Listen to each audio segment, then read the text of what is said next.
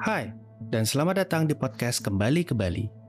Pada episode perdana ini, saya mengunjungi Ubud untuk bertemu dengan sahabat saya, Adi, yang merupakan orang lokal sekaligus praktisi pariwisata di sana. Saya menanyakan kepada Adi tentang mengapa wisatawan berlibur ke Bali. Dan berikut adalah percakapan dini hari kami di bawah langit pelihatan. Pertanyaan sangat menarik sekali mengenai kenapa sih wisatawan itu tertarik ke Bali. Pertama, Bali itu adalah sebuah pulau. Jadi, secara value kalau berbicara masalah pulau, dia akan memenangkan kompetisi dengan destinasi yang lainnya karena pulau itu berarti orangnya sedikit, dari ujung ke ujung bisa dijangkau, pantainya bagus, alamnya juga akan menarik. Selain itu, Bali juga dihadiahi oleh sebuah culture yang menarik the way of life dari orang-orangnya respectful orang Bali terhadap pendatang keterbukaannya kita dengan siapa pun yang datang ke Bali. Udah begitu kita punya ritual-ritual yang unik yang satu-satunya di dunia yang belum bisa mereka temukan di negara belahan yang lain. Itu sih yang yang saya highlight di jawaban tentang bagaimana Bali bisa mempertahankan posisinya sebagai destinasi yang menarik gitu. Nah, kemudian kata menarik ini yang menjadi pertanyaan. Di mana pariwisata Bali itu menarik? Apakah kita misalkan kita berbicara Seminyak, Canggu misalnya yang memang kita cari pantai banget, kita memang cari beach club dan sebagainya, atau mungkin yang menarik itu Legian dengan nightlife-nya, atau seperti Nusa Dua misalnya, yang memang sudah dirancang secara sangat khusus untuk berwisata atau tempat lain ya di sini di Ubud misalnya yang memang terkenal wah ini yang memang culture Bali banget kata orang-orang ya di sini nih uh, budaya Bali benar-benar hidup kata orang juga. Jadi sebenarnya mana yang menarik? Oke jadi kalau berbicara Bali itu kita ini terlalu liar sebenarnya. Hmm. liar dalam artian segmentasinya itu terbentuk dengan sendiri tanpa kita set melalui bisnis plan tertentu. Hmm. tanpa kita setup dari awal bahwa Seminyak itu adalah tempat untuk night life, Ubud itu adalah tempat meditasi, Sanur adalah untuk orang-orang tua, Nusa Dua untuk orang-orang yang eksklusif dan lain sebagainya. Itu terbentuk dengan sendirinya, terbentuk dengan sangat-sangat liar menurut saya. Dan keliaran itu sendiri menjadi sesuatu yang original membentuk segmentasi pasar. Bahwasannya Bali itu di awal memang jualannya adalah masalah budaya, masalah culture. Bali itu dianggap sebagai museum hidup bagi sebagian orang, mungkin bagi banyak orang yang ada di luar sana, di Eropa, di Amerika, dan di tempat lainnya. Segmentasi itu sendiri terbentuk karena adanya tarik-menarik antara orang yang tertarik dan infrastruktur yang terbangun, misalkan di Kuta, di Legian. Di situ ada memang dibangun secara organik, nightlife apa segala macam, sehingga orang-orang yang senang party, seperti bule-bule Australia yang anak-anak muda tujuannya memang ke Kute, ke Legian, ke Seminyak.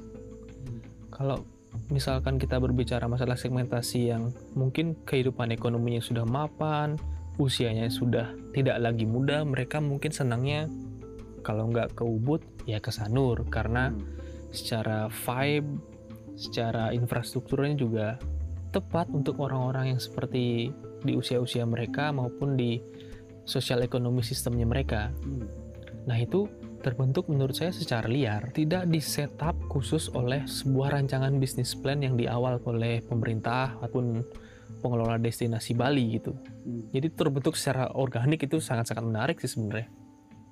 Uh, menurut saya kalau kita berbicara masalah organik ya, ini tidak hanya berbicara masalah segmentasi pariwisata. Di Bali itu sudah sangat terbiasa dengan namanya organik baik kita berbicara masalah budaya, agama, ritual, maupun yang terakhir ini yang kita bahas destinasi pariwisata. Kita kalau berbicara masalah budaya pun perkembangannya sangat-sangat organik. Jadi perkembangan budaya itu dari dulu sampai sekarang itu ada yang menghilang, ada yang tumbuh, baik secara ritual agama yang menurut saya juga dipengaruhi oleh tatanan kehidupan masyarakat yang berubah, era globalisasi, influence dari pendatang-pendatang luar, baik dari luar daerah maupun luar negeri. Jadi gitu kita rise secara organik. Kita bisa menyebutnya sebagai sebuah akulturasi budaya. sebagai sebuah akulturasi pemikiran. Jadi pemikiran si A dari negara A, pemikiran si B dan dari negara B itu bergabung di Bali. Di sinilah tempat kita memadu kasih sebuah pemikiran. Logikanya seperti itu. Jadi makanya outputnya bisa berbentuk tari-tarian, bisa berbentuk seni budaya, bisa berbentuk arsitektur, bisa berbentuk destinasi tourism, destinasi yang senang membangun sebuah culture nightlife, ada yang sebuah destinasi yang senang membangun culture yoga, semedi dan lain sebagainya sehingga segmentasinya juga terbentuk dengan sendirinya dan segalanya organik itu tadi. Iya, menurut saya segala semua yang di sini tuh organik bertumbuh. Kemudian dalam pertumbuhan itu pasti ada semacam cultural shock dalam proses akulturasi, dalam proses pertumbuhan organik itu. Nah, bagaimana masyarakat Bali di sini menghadapi culture shock? Bagaimana keduanya bisa saling adjust? Oke, ini yang ini yang menarik, ini yang unik juga. Kalau dilihat dari sisi permukaan, memang seharusnya ada culture shock ketika budaya-budaya lain budaya-budaya global itu masuk ke dalam tatanan masyarakat, ke dalam budaya orang lain. Tapi menariknya dan uniknya, Bali tidak terlalu mengalami culture shock. Hmm. Itu saya saya alami sendiri juga. Hmm. Karena semua inovasi, semua akulturasi itu yang datang ke Bali itu sangat-sangat relate dengan budayanya jadi kita masih bisa mencari hal-hal positif yang relate dengan budaya kita. Contohnya saya ambil contoh. Di Ubud dari tahun 1800 ketika Ubud baru diperkenalkan sebagai sebuah destinasi pariwisata. Itu yang berkembang di awal adalah menonjolkan sisi selain ritual yang pertama dulu adalah landscape-nya. Jadi kita punya punya hutan, punya sungai, tempatnya teduh, tempatnya enak, tempatnya bisa menginspirasi banyak orang sehingga seniman-seniman luar seperti Walter Space, Antonio Blanco dan lain sebagainya mereka mendapatkan inspirasi ketika mereka ada di Ubud. Nah, semakin berkembangnya Ubud sekarang dijadikan sebuah destinasi yoga dan itu masih relate antara mencari inspirasi, di tengah-tengahnya ada ketenangan, lalu berkembang menjadi sebuah destinasi yoga itu kan still relate. Begitu juga di tempat lain seperti daerah-daerah pesisir. Culture-culture pesisir bagaimana? Bisa kita lihat culture pesisir itu adalah orang-orang sport. Jadi ada perkembangan surfing dan lain sebagainya. Dan surfing itu relate-nya ke mana? Ke nightlife, ya party, beach club, ada alkohol dan lain sebagainya itu mereka masih relate. Perkembangan itu memang menyesuaikan dengan tempat itu yang menarik menurut saya. Jadi walaupun organik bertumbuh tapi tidak ngawur.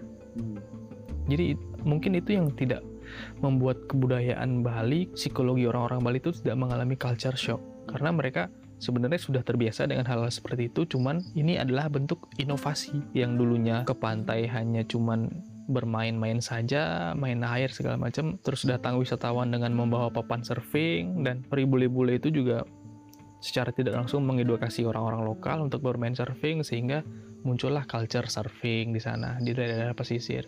Begitu pula di Ubud, begitu pula di Sanur, Canggu dan lain sebagainya. Yang menarik dari argumen Adi adalah tentang organik dan inovasi berapa banyak jenis sebenarnya pertumbuhan pariwisata secara organik itu? Kalau saya menyebutkan jenis mungkin tidak bisa disebutkan beberapa jenis ya, hmm, tapi hmm. yang harus kita pelajari dari pertumbuhan di Bali ini adalah bagaimana ada acceptance dari masyarakat lokal. Seberapapun gempuran dari budaya globalisasi, di situ ada penerimaan yang pertama, setelah mereka menerima budaya-budaya ini, di samping itu mereka harus juga punya sesuatu yang menjadi basic-basic kesadaran atau sebagai sesuatu yang bisa mereka pegang dari awal, yaitu culture, ritual, dan agama. Budaya-budaya global itu tidak akan ditangkis, tidak akan juga diserap secara 100%, tapi itu dijadikan sebagai penguat budaya mereka, budaya orang-orang Bali. Jadi ketika mereka sudah ada secara basic, sudah ada satu pegangan yang pasti, budaya-budaya luar itu akan dianggap sebagai sebuah tambahan aja. Makanya ada inovasi, karena mereka menyerap dengan sangat-sangat bijak. Itu menurut saya yang Ada berapa banyak budaya hasil inovasi itu yang sudah dihasilkan oleh masyarakat Bali dan wisatawan secara kolaboratif? kalau kita bicara masalah seberapa banyak, mungkin saya bisa menyebutkan dari beberapa aspek ya. Misalkan arsitektur. Arsitektur Bali dipadukan dengan arsitektur Eropa, era-era Renaissance. Kita bisa lihat salah satunya yang masih sampai sekarang ada di Museum Antonio Blanco. Nah, di situ sebagai saksi sejarah bagaimana pertemuan perpaduan arsitektur antara budaya Bali dan budaya Eropa. Udah gitu dari sisi ritual keagamaan, kita sangat-sangat terinfluence dari datangnya Cina. Cara ritual ada beberapa ritual yang mirip sekali dengan ritual di Cina. Misalnya pemakaian dupa, pemakaian kepeng, segala macam. Itu kan dari sisi ritual agama juga masuk. Dari sisi kehidupan masyarakat, masyarakat sekarang kita bisa berbahasa Inggris, fasih berbahasa Inggris. Selain memang ada demand, ada kebutuhan di sana, itu kan karena kita sangat terbuka dengan budaya yang lain. Cara berpakaian, fashion, udah gitu pola pikir, mindset, dan lain sebagainya itu banyak sekali kita terpengaruh oleh budaya-budaya global. Bagaimana dampak langsungnya ke pariwisata? Dampak langsungnya adalah kita nggak kolot, kita sangat-sangat terbuka dengan orang lain. Kita nggak kaget melihat orang pakai bikini di Bali. Kita tidak pernah mempermasalahkan pornografi porno aksi. Karena kita melihat itu sebagai sebuah keberagaman. Itu yang bisa kalian petik ketika berkunjung ke Bali. Saya bisa contohkan, di Kute atau di Legian atau di daerah pesisir sana, ritual keagamaan dan orang-orang beraktivitas di pantai itu dalam satu tempat. Jadi bayangkan sebelahnya ada orang yang sembahyang, ada orang-orang melakukan ritual. Di satu sisi mereka mereka ada yang pakai bikini, ada yang main surfing, dan itu berdampingan dan satu sama lain tidak terganggu dan saling respect. Bulenya respect, kadang-kadang foto segala macam. Mereka kagum sama ritual keagamaan. Yang sembahyang yang melakukan ritual juga tidak tidak terganggu dengan adanya bule yang pakai bikini. Artinya di situ ada dua jenis Bali yang berkoeksistensi satu sama lain. Jadi ada Bali menurut bule dan ya itu Balinya mereka dan di tempat yang sama dan waktu yang sama ada Bali menurut orang lokal yang mereka harus melakukan ritual, adat dan sebagainya di waktu dan tempat yang sama. Iya, itu menariknya budaya Bali. Itu menariknya orang-orang di Bali karena mereka sudah sangat-sangat terbiasa dengan hal-hal yang bersifat global. Koeksistensi ini kemudian menjadi menarik. Sebenarnya bagaimana sih awal koeksistensi dua Bali ini kemudian bisa sama-sama berjalan? Salah satu provinsi di Indonesia yang tidak terpengaruh dengan perang di Indonesia pada waktu zaman penjajahan adalah Bali salah satunya. Karena pada waktu itu ketika Belanda menginjakkan kaki di Bali melalui Buleleng, melalui Sanur, mereka tahu pulau Bali ini bisa dijual. Mereka punya hasrat untuk menjadikan Bali sebagai money maker. Karena mereka tahu ketika mereka menemukan pulau ini, oh ada orang Bali ini berperilaku seperti ini, the way of life-nya seperti ini. Ada culture yang seperti ini, ada ritual yang seperti ini. Menurut mereka, ini unik. Ini harus kita siarkan kepada orang-orang. Kita harus menjadikan Bali sebagai komoditas tourism pada waktu itu. Makanya pendekatan mereka tidak melalui kekerasan. Pendekatan mereka adalah melalui dialog, melalui akulturasi budaya. Mereka mengajarkan kita sesuatu, kita mengajarkan mereka sesuatu. Nah, menurut saya itu menjadi tonggak sejarah bagaimana kita sangat-sangat terbuka soal pariwisata. Karena penjajah pun kita anggap sebagai teman. Walaupun waktu itu ada agenda bisnis, cuman kan yang di permukaan we are friend. Meskipun kita juga harus ingat bahwa di Bali dulu juga ada perang peputan pada saat itu dari kerajaan Badung yang kemudian melakukan perang habis-habisan terhadap Belanda dan kalah total. Dan kemudian Belanda dikecam karena pada saat itu kenapa di pulau sekecil ini harus melakukan pembantaian Benar, benar pada saat sekali. itu yang itu juga mungkin tidak bisa dilepaskan Benar, kita tidak boleh melupakan sejarah seperti itu. Cuman menurut catatan sejarah pariwisata yang ditonjolkan adalah bagaimana kita menyebut mereka secara hangat. Mungkin ada mindset yang sudah berubah waktu itu. Ada pendekatan yang sudah berubah. Walaupun kita pernah perang, literary perang, bunuh-bunuhan, tapi ada mindset yang berubah soal menyambut orang-orang asing dan itu berdampak sampai sekarang. Sekian untuk percakapan kali ini dengan Adi.